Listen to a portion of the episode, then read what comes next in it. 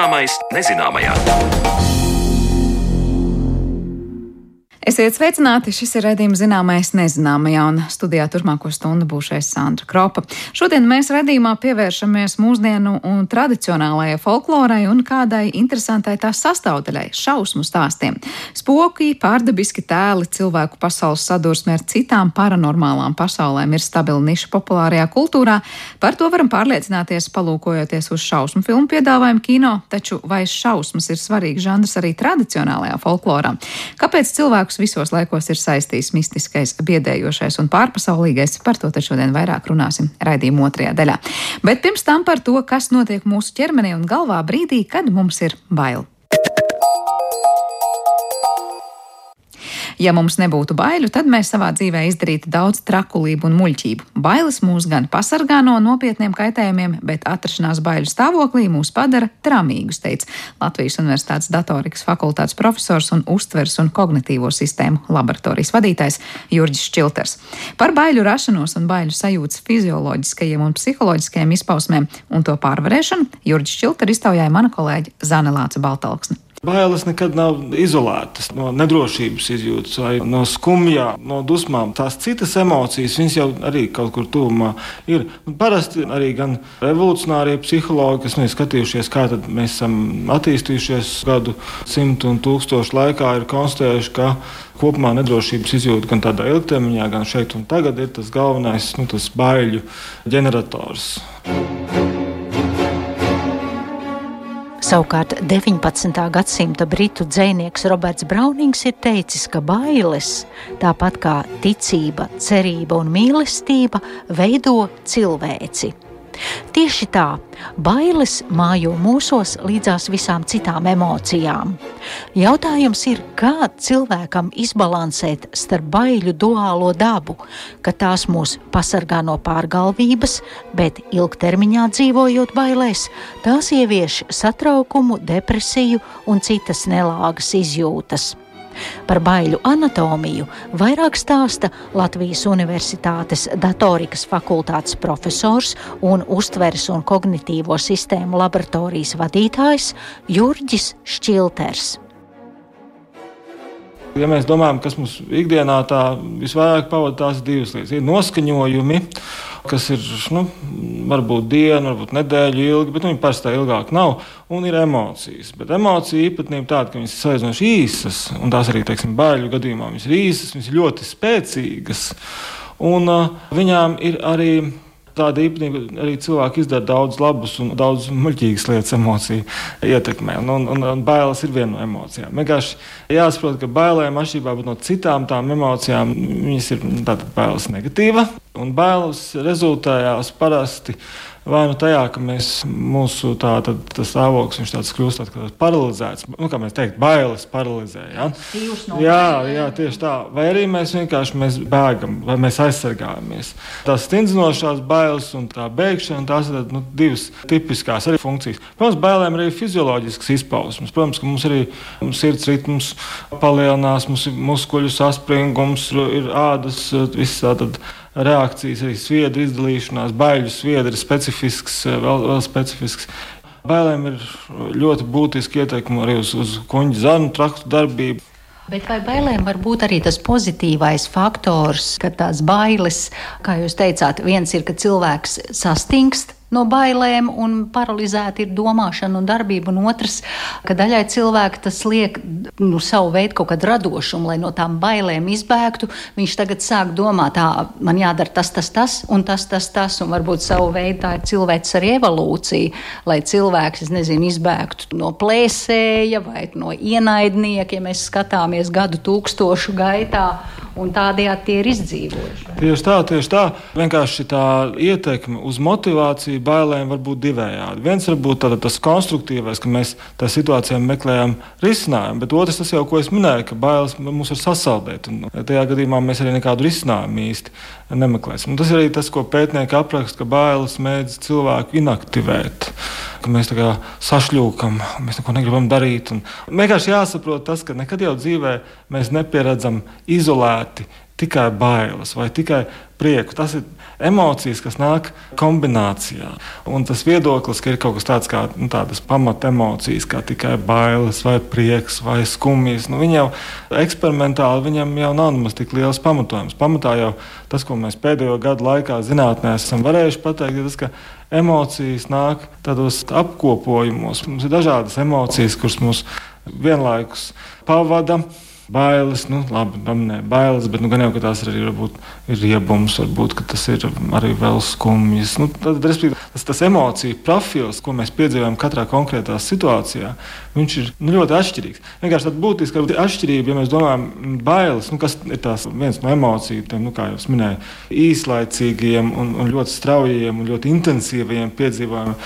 Tā viena atšķirība ir tā, ka mēs e, reaģējam uz kaut kādu notikumu vai uz objektu. Ja? Teiksim, tas noskaņojums, nu, kas mums var būt skumjš, vai bēdīgs, vai sazin, kāds, viņam nu, nevienmēr ir tāds konkrēts avots vai konkrēts objekts, bet mēs domājam par bailēm, emocijām, tad e, tās ir vienmēr saslēgtas kopā ar kaut kādu konkrētu notikumu. Ja mēs vēl runājam par baiļu dosiedu, kas ir tie impulsi cilvēkam, vai tas ir saprāts, vai tā ir redzes vai dzirde, kas liek eh, baidīties un kas pirmie sūta tos signālus? Tas ir jautājums lokus, kas ir varbūt mazāk pētīts. Jo teiksim, tas, ka mēs baidāmies no kaut kādām nedrošām situācijām, situācijas, ko mēs varam paredzēt, nu, kas ir faktiski tas, ka mēs baidāmies no nedrošības, tas jau arī ir kaut kas nu, tāds mūsos evolūcionāri izveidots. Nu, ka, teiksim, cilvēki baidās no jaunām situācijām. Īpaši, ja skatās arī mazus bērnus, tad arī nu, tās bailes no svešiniekiem, no svešām vietām. Tas ļoti lielā mērā arī tāds filoģenēzes atbalsts ir, ir daudz tādu lūkšu skaidrojumu filozofiju. Jā, jā, jā, tātad lielāka cilvēka gadu simtiem tūkstošu attīstības rezultāts. Un tas ir, piemēram, nu, kāpēc bailes pret kukaiņiem vai bailes pret no augstuma, piemēram, vai bailes pret čūskām.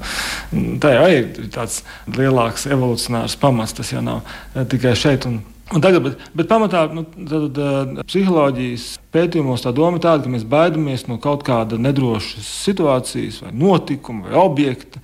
Bet tagad, ja mēs domājam, kas notiek ar mūsu maņām, ja mēs viņus tagad ņemam tā, nu, pavisam konkrēti, nu, kas notiek ar mūsu redzi, vai tausti, vai dzirdi. Tā ir eh, tāda mazāk pētīta joma, jo, piemēram, ir kolēģi, kas ir izpētījuši, ka cilvēki jūtas apdraudēti, ja viņi vidē, kur ir asi stūri. Ja? Teiksim, ir simulācijas, eh, virtuālās realitātes simulācijas, kurās ļoti rūpīgi eksperimenti ir tikuši veikti un konstatēts, ka Mēs pat to lāgu nevaram izskaidrot. Mēs vienkārši mēs jūtamies apdraudēti, ja mēs esam vidē, kurā ir asi stūri vai nu, tāda angulāra vide, tehniski izsakoties. Savukārt mēs jūtamies labāk. Tas nenozīmē, ka mums tā vide labāk, vairāk patīk. Vienkārši mēs jūtamies komfortablāk, jums ir apaļi objekti arī pētījumi par to, ka dažādi veidi geometrija, pilnīgi abstrakta geometrija mūsos izraisa atšķirīgas emocijas. Un, un teiksim, atkal tās laustās formas, asās formas mūsos atstāja kaut kādu nu, baiļu iespēju. Neraugoties to, ka mēs nekad neesam to objektu iepriekš redzējuši, viņš mums neko nav nodarījis. Ja? Kā, Tās bailes rada arī kaut kādu abstrakti, geometrisku objektu vai vienkārši kaut kādu līniju struktūru.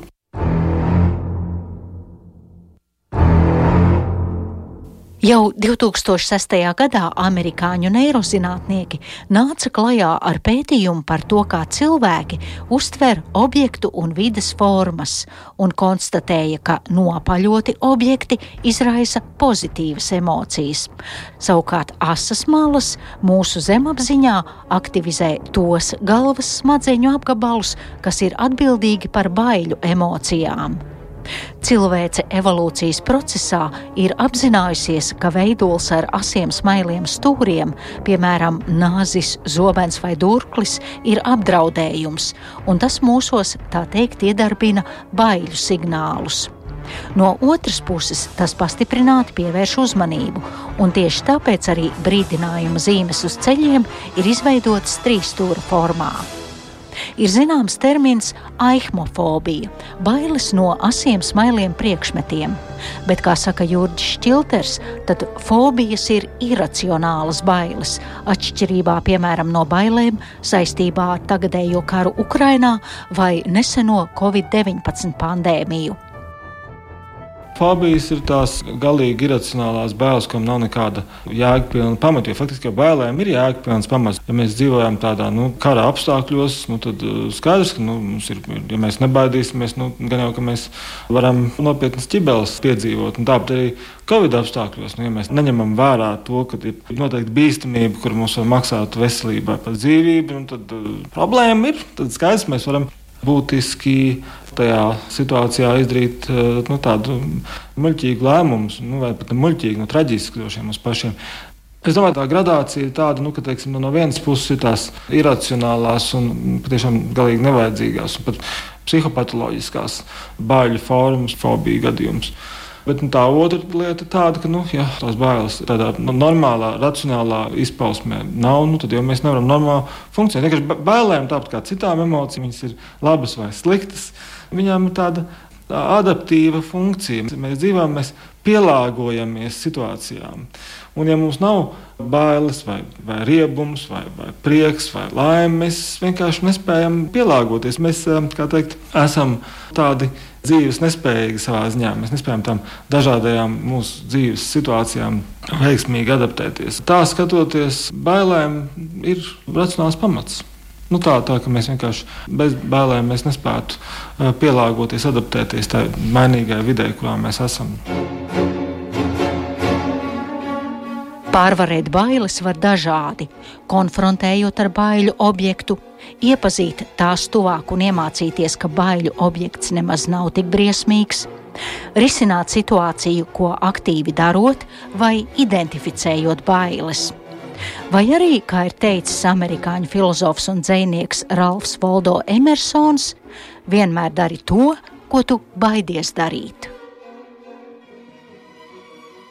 Tik tālu par to, kas notiek mūsu smadzenēs baiļu brīžos, bet par to, kāpēc mums patīk sevi biedēt ar šausmu stāstiem, saruna pēc brīža.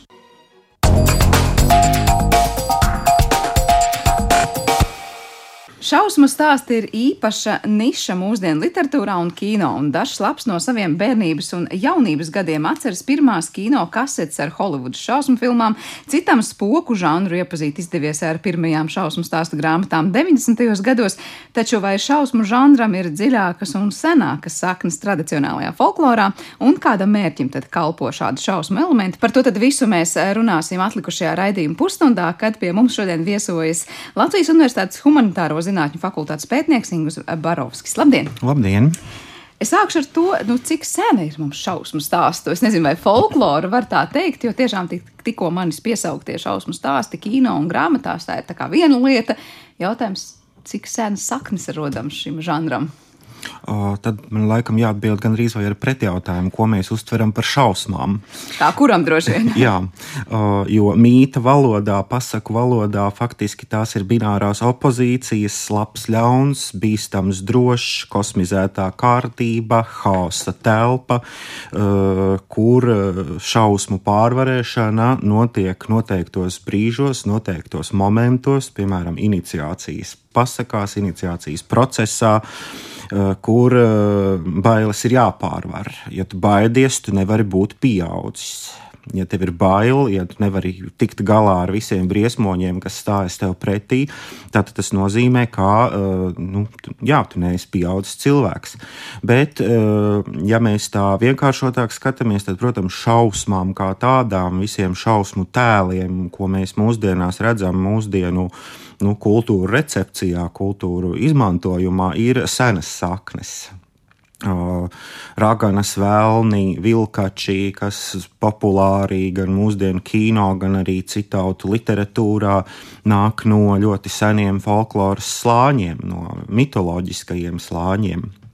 Tad patiesībā tas, ko es saklausu mitoloģiskajā un folkloras līmenī, tā ideja šausmu stāstam, no, ko mēs katrs ar to saprastu, uh, tomēr tā kā pārvarēt bailes un palīdzēt kļūt pieaugušam, ir tāds, var teikt, nu, tā kā mērķis tam šausmām. Nu, vismaz vienā aspektā noteikti, jā, kvantitatīvi liels uh, skaits uh, folkloras tekstu, piemēram, ir tiešām par iniciāciju, kad cilvēkam no viena sociālā slāņa jāpāriet citā sociālā statusā tā varētu tā teikt. Un tad eh, noteiktā brīdī viņam ir jāveic dažādi pārbaudījumi, jācīnās ar dažādiem briesmoņiem, vēlniem, raganām nu, arī citām dažādām būtnēm, spokiem, gariem un tā, un, un, un tā tālāk.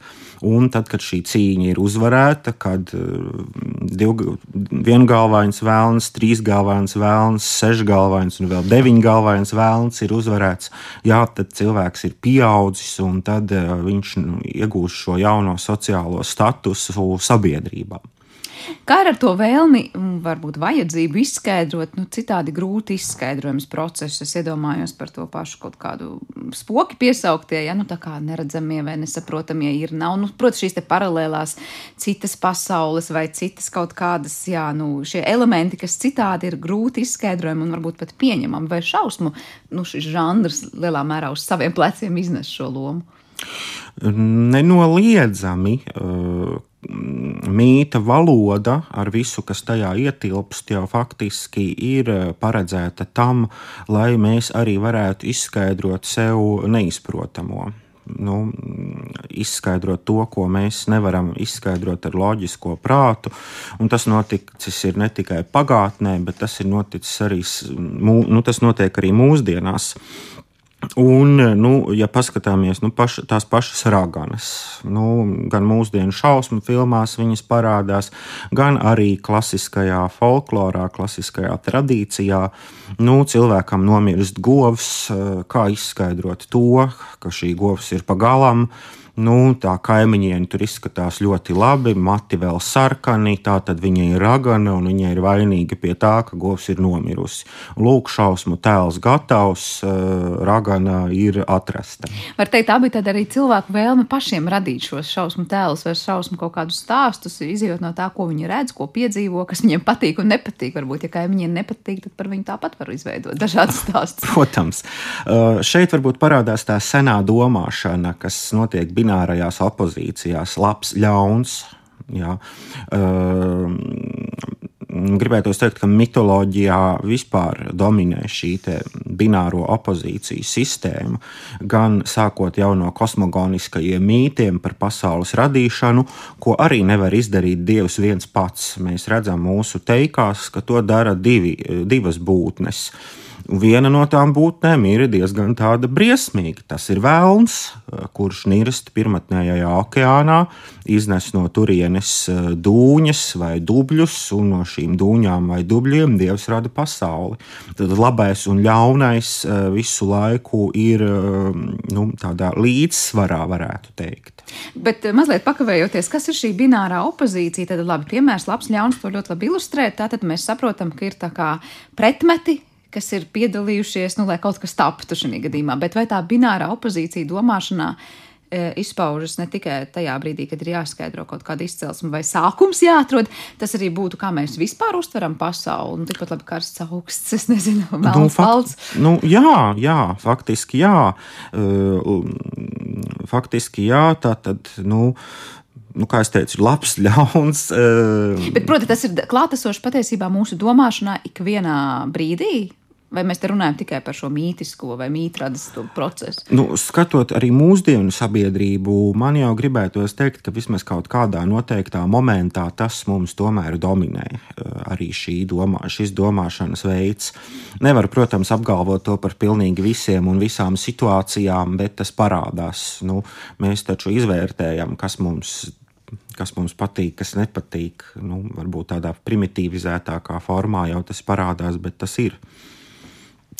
Runājot, kas patīk un nepatīk, es domāju, daudziem patīk vai nepatīk arī dažādi šausmu žanri šobrīd, mm, kino vai, vai kādi citi stāsti. Un tad ir jautājums par, nezinu, gaumi, vēlmi, ko piedzīvot, izdzīvot vai kā citādi domāt. Varbūt tur ir kādas iebildes vai piebildes par to, kāpēc cilvēkiem patīk, nepatīk šausmu žanrs, bet eh, mēs nu, ieskicējam tā kā divas lietas par to nu, pielietojumu, ja tā var teikt. Viens bija šī iniciācija, un otrs uh, izskaidrot tātad nesaprotamo. Jā. Kā ir ar vienkārši tādu vajadzību kā izklaide? Tā ir jauna parādība, konkrēti runājot par šausmu žanru, vai tā jau arī senatnē ir bijusi nu, vienkārši vēlme cilvēkiem stāstīt dažādas šausmu stāstus, izdomāts vai kā piedomāts, lai vienkārši būtu interesanti.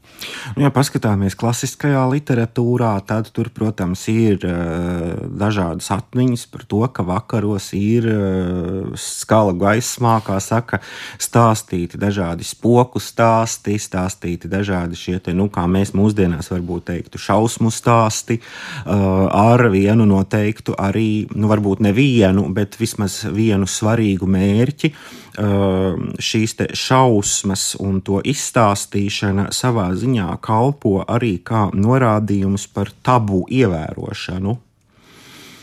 Jo šausmu situācijā, vismaz nu, folklorā, personāžs nonāk tādos momentos, kad viņš atrodas tur, kur viņam nav jāatrodas, vai dara kaut ko, ko viņam nevajadzētu tajā brīdī darīt.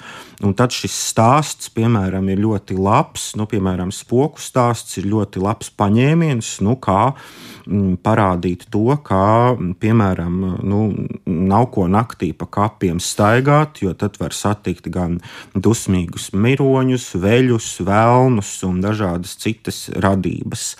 Tad, Patiesais varbūt bija vēstījums nestaigāt pa kapiem vakaros. Jā, nu, jā piemēram, nu, vai arī, vai arī uh, mītiskajā domāšanā mēs, mums ir tā saucamais tukšais laiks, kas ir pusdienlaiks vai pusnakts, kad, kā tika uzskatīts, šī pasaule un cita pasaule atrodas nu, tādā visplānākajā, nu, vistiešākajā savienojuma robežā. Uh, un saistībā ar to arī ir jāievēro dažādi tabū. Nu, mm, nedrīkst atrasties tur, kur eh, nedrīkst atrasties, nu, piemēram, Rīgā, Spiritīs un tam līdzīgi. Nu, un tad, piemēram, viens sižets eh, pasaku tekstos ir tāds, ka nu, nevisai kā lai to pieklājīgi pasakā, nevisai likumīgā raksturā dāmas dodas uz pirti, uzdzīvot ar kungiem. Un atklājas, ka tie kungi, protams, ir vēlni, un no rīta nabaga meitas tiek atrastas izēstas no iekšpuses tukšas, nu tikai viņa ādas vien, nu diezgan šausmīgs skats varētu būt. Nu, eh, es šeit saskatu šo arī eh, norādījumu, ievērot tabū, kā eh, īpašos laikos, īpašos momentos noteiktas vietas ir saistītas ar citu, ar chtonisko pasauli, ar dievu, ar garu pasauli, kur cilvēkam tajā brīdī nav ko darīt. Un šausmu elements ir diezgan labs, manuprāt, paņēmiens, nu kā tad atturēt eh, cilvēkus no šādām darbībām. Es pareizi saprotu, ka varētu teikt, ka ar šausmu elementiem mēģina arī nu, sabiedrībā kaut kādu to likumīgu audzināšanu izvērst. Proti, nu, kur tad tām sievietēm ir vai nav jādodas konkrētajā varbūt laikā? Mūsdienās varbūt nē, bet nē, klasi... laikiem, jā, klasiskajā folklorā noteikti. Man, manuprāt, jā, tas ir tāds uh, paņēmiens. Nu, ja paskatāmies ne tikai uz šausmu žanru, bet uz ticējumu krājumu latviešu tautas ticējumi. Nu, patiesībā tā vienkāršoti sakot, tā ir latviešu labas uzvedības rokas grāmata. Ko nebūs darīt un kas notiks, ja darīs to, ko nebūtu vēlams darīt. Runājot ne tikai par ticējumiem, pirms tam arī piesaucām pasakas, kādos žanros vispār tās šausmas, es nezinu, klātesošas, eh, tiek ietverts, ja mēs runājam par latviešu folkloru, vai mēs runājam, tur būs teikas, protams, daudz teikas par vēlniem un daudz ko citu, varbūt varam kāds atsaukt atmiņā. Eh, pasakas, sakām vārdu, te, ticējumi visos šajos žanros ir klātesoši. Elementi. Visos noteikti nē, nu, diez vai mēs atradīsim tādu konkrētu šausmu elementu, piemēram, dzīvnieku pasakās. Lai gan arī šeit ir jāsaka, ko mēs uzskatām par šausmām, jo, nu, piemēram, sižets, kur zvēri iekrīt bedrē un lapsa būdama viltniece panāk to, ka lācītis eh, ar nagu sev uzšķēra zvēdru un apēda savas zarniņas, varbūt arī nav gluži bērniem vakarā pirms gulētiešanas lasāms bet nu, tur ir vairāk uzsvers tiek likts uz lapsas viltību. Nu, tad dzīvnieku pasakās, es teiktu, mazāk, nu, un arī sadzīves pasakās, kas ir saistītas tieši ar tādiem sadzīves jautājumiem. Visvairāk tas, protams, parādās brīnum pasakās un arī teikās, kur etioloģiskajās teikās tiek mēģināts arī izskaidrot kaut kādu notikumu, nu, cēloņu sakarības. Nu, un brīnuma pasakas jau pašas par sevi, manuprāt, ir populārs avots arī mūsdienu, ja tā var teikt, šausmu filmu scenāristiem un režisoriem. Es gribēju tieši vaicāt, vai brīnuma pasakas nav tāds priekštecis tam, ko mēs šobrīd saucam par fantastikas filmām, vai šausmu filmām, vai zinātniskās fantastikas filmām. Nu, eh, par eh, šiem literāriem žanriem te varbūt eh, vairāk būtu mm, kompetenti runāt mana kolēģe, filoloģe Bārbala Simpsona, kur tieši ir pētījusi fantastikas un šausmu literatūru. Bet nenoliedzami, nu, pasakas ir avots tam visam. Jā, nu, ja mēs paskatāmies kaut vai uz, pas, nu, uz pasakas struktūru un šausmu filmas struktūru, Uh, Kāda nu, tā ir? Nu, tur Vladimirs Props ir skaidri izdarījis. Izdalījis to visu, bet nu, Propu es nepārstāstīšu. Nu, sākumā tā, tas, tā ir došanās kaut kur ceļā, došanās ceļojumā. Tad ceļojums noved kaut kādā noteiktā vietā, kur tiek piedzīvots nu, dažādi notikumi, un pēc tam notiek pēc šo nu, piedzīvojumu atrisināšanas notiek atgriešanās reālajā pasaulē, reālajā situācijā. Nu, un, ja mēs paskatāmies nu, kaut vai uz amerikāņu šausmu filmu klasisko uh, variantu, kur bariņš jaunieši nonāk kaut kādā vietā, izdara kaut ko, nu, par, piemēram, nezinu, lasa kaut ko latīņu valodā, Uh, nu, pēc tam notiek dažādas šausmas, dažādi brīnumi. Uh, nu, tad kādam varbūt izdodas izglābties. Nu, tas ir izturējis šo pārbaudījumu. Pasakās līdzīgi. Vēl runājot par to, ko tie dažādie tēli dara kādā no šiem elementiem. Vai ir kaut kādas vienojošās kategorijas, nu, piemēram, nolaupa, aizved, aiznes, nezinu, nozog kaut ko, dara pāri, vienkārši biedē ar savu klātbūtni? Ir kaut kādas tādas standarta lietas, kuras, nu, var teikt, ir jau klasiskas. Nu, mitoloģijā, folklorā varbūt ir klasisks drīzāk tas variants, ka tā ir cīņa. Nu, ja tas vēlns nāk ar visām savām galvām pretī tam uh, inicijējamajam varonim, tad, protams, viņam ir šis vēlns jā, jāuzvar. Citos variantos, protams, ir nolaupīta jaunava, un tad ir jādara viss, lai šo jaunavu izglābtu. Uh, Citos variantos, piemēram, ir nepieciešams iegūt kādas īpašas lietas, īpašas nu, vielas, varbūt skan jocīgi, bet nu, eh, arī tā notiek eh, kas ir nepieciešamas kāda dziedināšanai. Nu, tēvs palicis sakls, sūta dēlus meklēt tur noteiktas mantas, kas viņu var izdziedināt. Nu, protams, ka šīs mantas sargā kāds no briesmoņiem, puķis, vēlni, ragana un tam līdzīgi. Nu, tās ir tādas standartizētākās situācijas. Vai mēs varam pateikt, kurā brīdī no folklorā, no nu, tādām klājas zināmām lietām, piemēram, tās pašas raganas, jūs piesauktās, spoki, es nezinu, tie pārto par kādiem vampīriem, zombijiem, kas pārkvalificējas, nu, varētu tādā teikt, mūsdienu pieņemamākajā žanrā un tēlos. Vai notiek šāda tēlu tāda tiešām izaugšana? Es nezinu, vai tā ir īstais vārds, ko tu teici. Uh, šie tēli, vampīri, zombiji un visi pārējie faktiski nav, uh, nav izdomāti mūsdienās. Tie arī nāk no klasiskās tradīcijas, no mitoloģiskās domāšanas. Uh, Nu, piemēram, tie paši vampīri ir ļoti seni, tē, seni tādi šausmu tēli, kas dominē daudzu kultūru, pasakās un teikās. Mm, nu, viens no tādiem populāriem vampīra popularitātes radītājiem, es domāju, nenoliedzami ir Brems Stokers ar Drākulu, kurš nu, šo tēmu aktualizē, bet nu, vampīri citu tautu pasakās parādās diezgan izteikti. Ne tikai Baltijas reģionā, ne tikai Eiropā, bet arī, piemēram, Ķīnā, Japānā, kur, nu, lai izbēgtu no vampīra, nu, mums ir jānēsā līdzi rīsu maisiņš, un tad jāizber, ja viņš dzēnas pakaļ, un tad tam nabaga vampīram, nezinu, kāpēc tie rīsi ir vienkārši jāmetas skaitīt, un cilvēks var izbēgt. Uh, nu, no šiem avotiem es domāju, ka tie ir ienākuši arī mūsdienu reprezentācijās.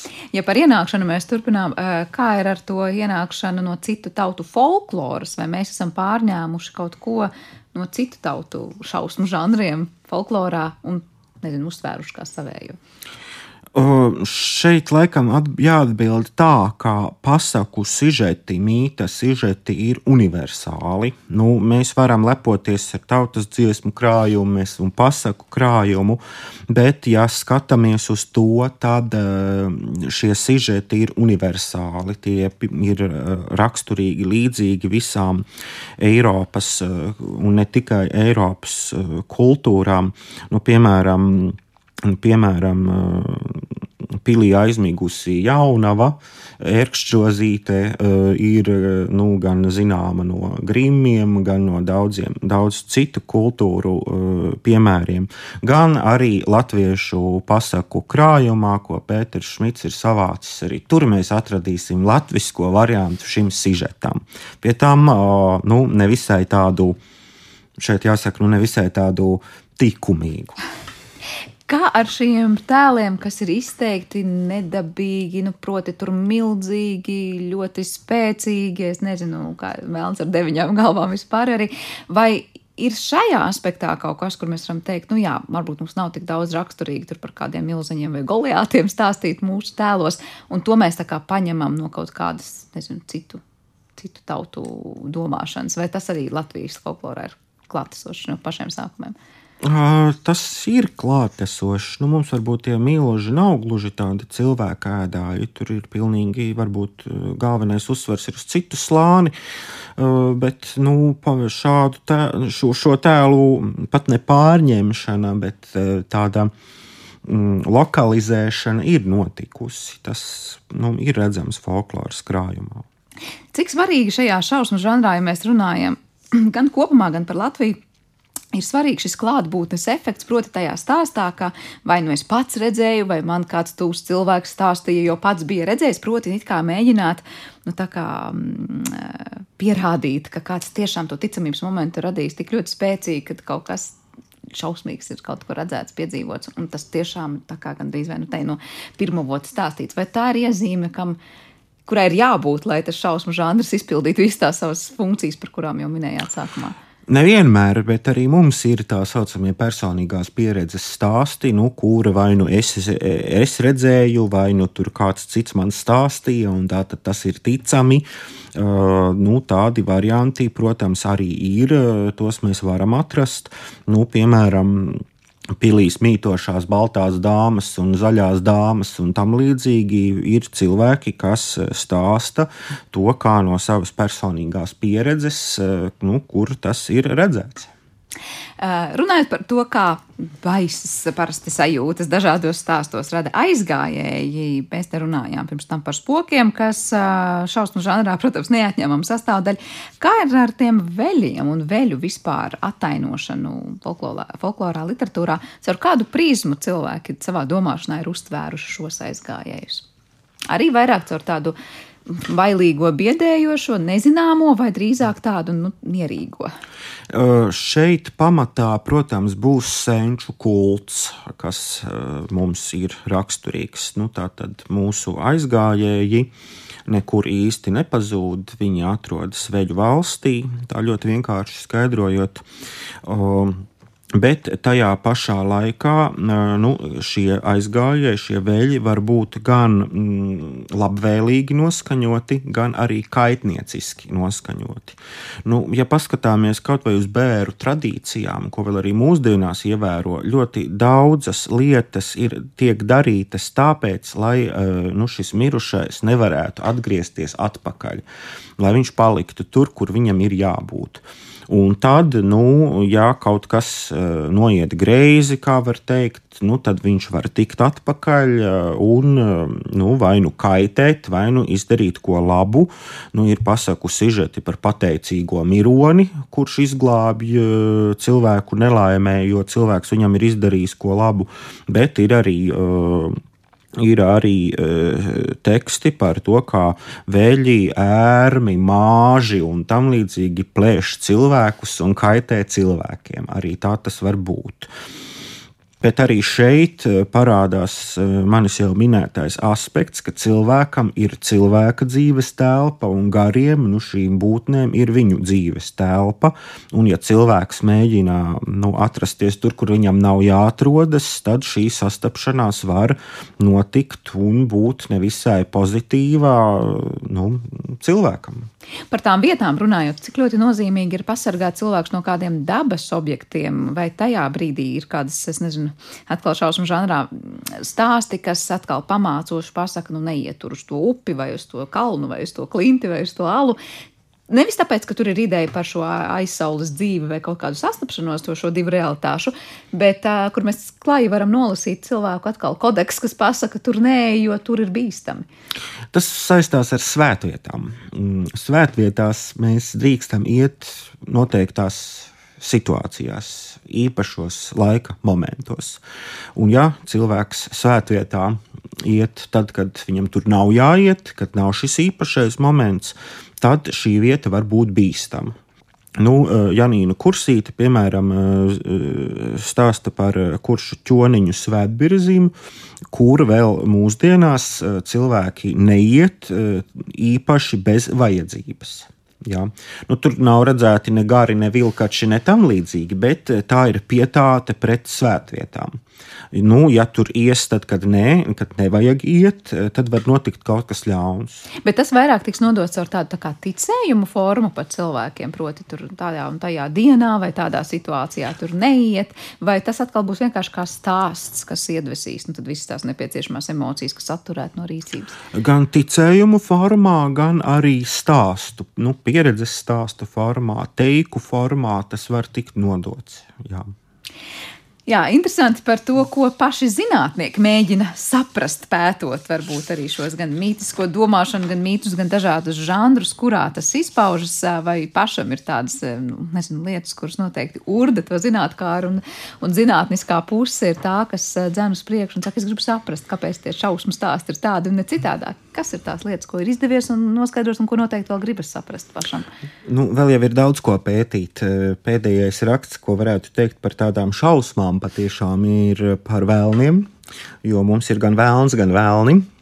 Un kas ir tie vēlni? Daudzskaitlīgi tas ir tāds problemātiskāks jautājums. Un šie vēlni, piemēram, arī kalpo, manuprāt, kā labs eh, pierādītājs. Mm, nu, šīm manis jau minētajām binārajām opozīcijām par pareizu dzīvi un nepareizu dzīvi.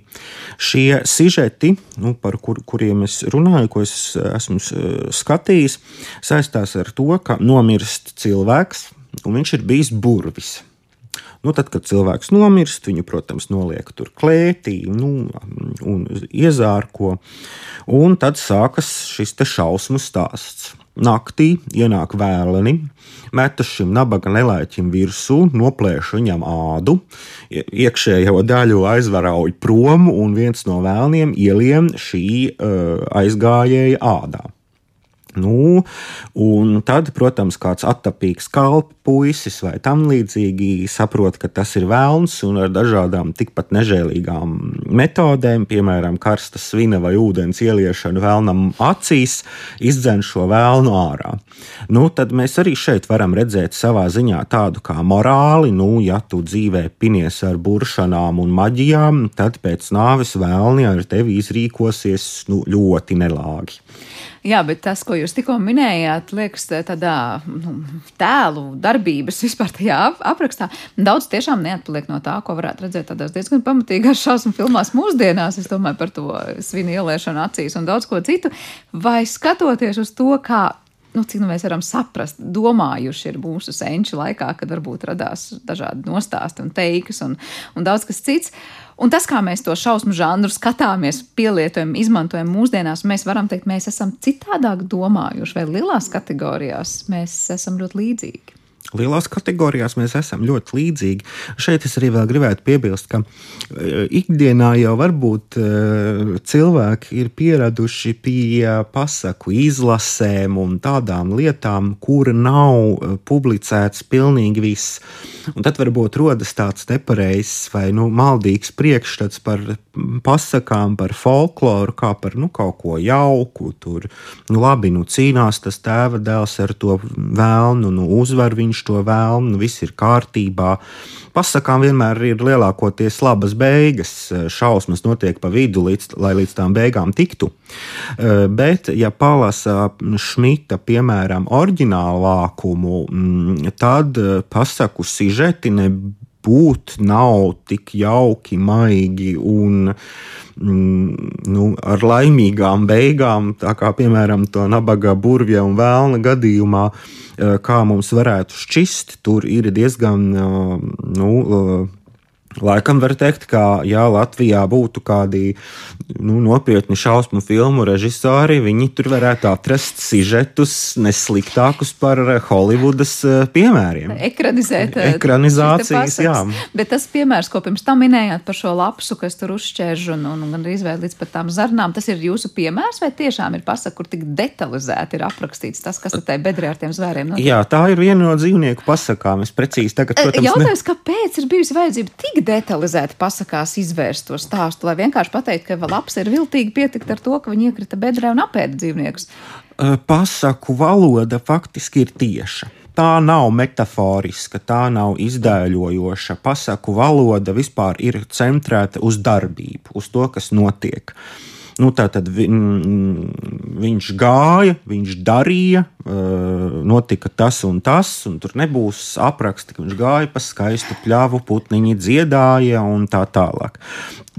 Pasaku valoda ir ļoti tieša, un līdz ar to, nu, ja tā lapsā to nabaga lāci tā piemānīja, tad tas tiek arī skaidri un gaiši pateikts jā, nu, tik tieši un tik skaidri, ka pilnīgi tiešām, kā mēs runājām, varētu arī ekranizēt nu, šausmas. Nevelti arī, piemēram, brāļi Grimmi, kurus mēs zinām, nu, kā vienus tā, tādiem pasaku arī uh, vācējiem un uh, publicētājiem, bija spiesti tajā momentā, kad viņi no tautas mutes šos sižetus savāca, bija spiesti tos ļoti spēcīgi mīkstināt, literārizēt, jo tas viņu secinājums bija tāds, ka nu, tās pasakas nu dienu nav bērniem pirms miegā vakarā priekšā lasāmas, ja vien negribam, lai tas bērns visu nakti murgo un neguļ. Jā, un vēl par grimu pasakām, pēc tam mēs mūsdienās dažkārt sakām, nu patiesībā nemaz tik miermīlīgas un mīļas jau nemaz Nebūt, tās ne. nav. Nebūt, ne? Uh, jā, un noslēdzot šo sarunu, gribēju vaicāt, kāpēc nu, jūs personīgais viedoklis cilvēks ar vienu nu, izskatās, ka vilina vai aizrauja šis te biedējošais baisais, un cik būtiska loma šīm visām lietām, ko jūs nosaucāt, kā to izglītošana, atturēšana no kaut kā ir mūsdienās, vai mēs varam teikt, ka mēs to iemācāmies citās vietās un citos paņēmienos, un šis šausmu žanrs ir palicis nu, tikai izklaide? Nu, tas ir varbūt tiešām tāds ļoti sarežģīts jautājums, kāpēc mēs skatāmies šausmu filmas, kāpēc mums to vajag. Nu, vai tad nepietiek ar ikdienas problēmām? Bet, eh, nu, ja, tā, mm, ja tā jau dziļāk, tad man gribētos teikt, ka varbūt arī tas ir viens no veidiem, kā mūsdienu cilvēks var izdzīvot to pašu, ko, var, nu, ko kādreiz nu, ko izdzīvo pasakas varonis viņš iesaistās vismaz vizuāli, skatoties, iesaistās šajā sižetā, līdzpārdzīvo šiem varoņiem, baidās kopā ar šiem varoņiem un tad nonāk pie nu, veiksmīgā atrisinājuma, ja tāds pastāv. Jo cik man nācies redzēt, tad mūsdienās kaut kā reizēm arī šausmu filmām nemaz nav laimīgās beigas, kas ir pasakām. Bet nu, varbūt tas ir arī tas, ka mūsdienu cilvēkam tāpat ir nepieciešams nu, tāds baiļu moments, lai pēc tam saprastu, ka viss ir kārtībā, izējot no, izējot no tās mākslinieckās realitātes, nonākot atpakaļ mūsdienu profānajā realitātē, ikdienas realitātē. Tāds atvieglojums, ka viss ir kārtībā. Jā, droši vien katram kā un kur adrenalīna deva ir nepieciešama līdzīgi, kuram ir jālis ar gumiju un jākāpj kalnos, lai vienkārši visu laiku izdzīvot kaut kādu tādu nu, riska brīdi. Ja? Jā. Tā citiem varbūt ir vienkārši ik pa lekam jāpaskatās šausmu filmas. Paldies, Ingu, par šo sarunu. Es atgādināšu, ka Latvijas Universitātes humanitāro zinātņu fakultātes pētnieks Ingus Varovskis šodien bija ar mums kopā, lai raidījumā zināmais nezināmajā un runājām mēs par to, kas tad mums ir kopīgs mūsdienās un senatnē ar to, kā cilvēki runāja un domāja par šausmām, kas ir visapkārt, un galu beigās, kas tad bija vai netika uzskatīts par šausmīgu. Ar šo raidījumu arī ir izskanējis to producēja Paula Gulbinska, par mūziku gādāja Girds Bišs, skaņu režijā bija Kristīna Delle un studijā Sandra Kropa. Lai mums visiem mierīga diena un uz tikšanos!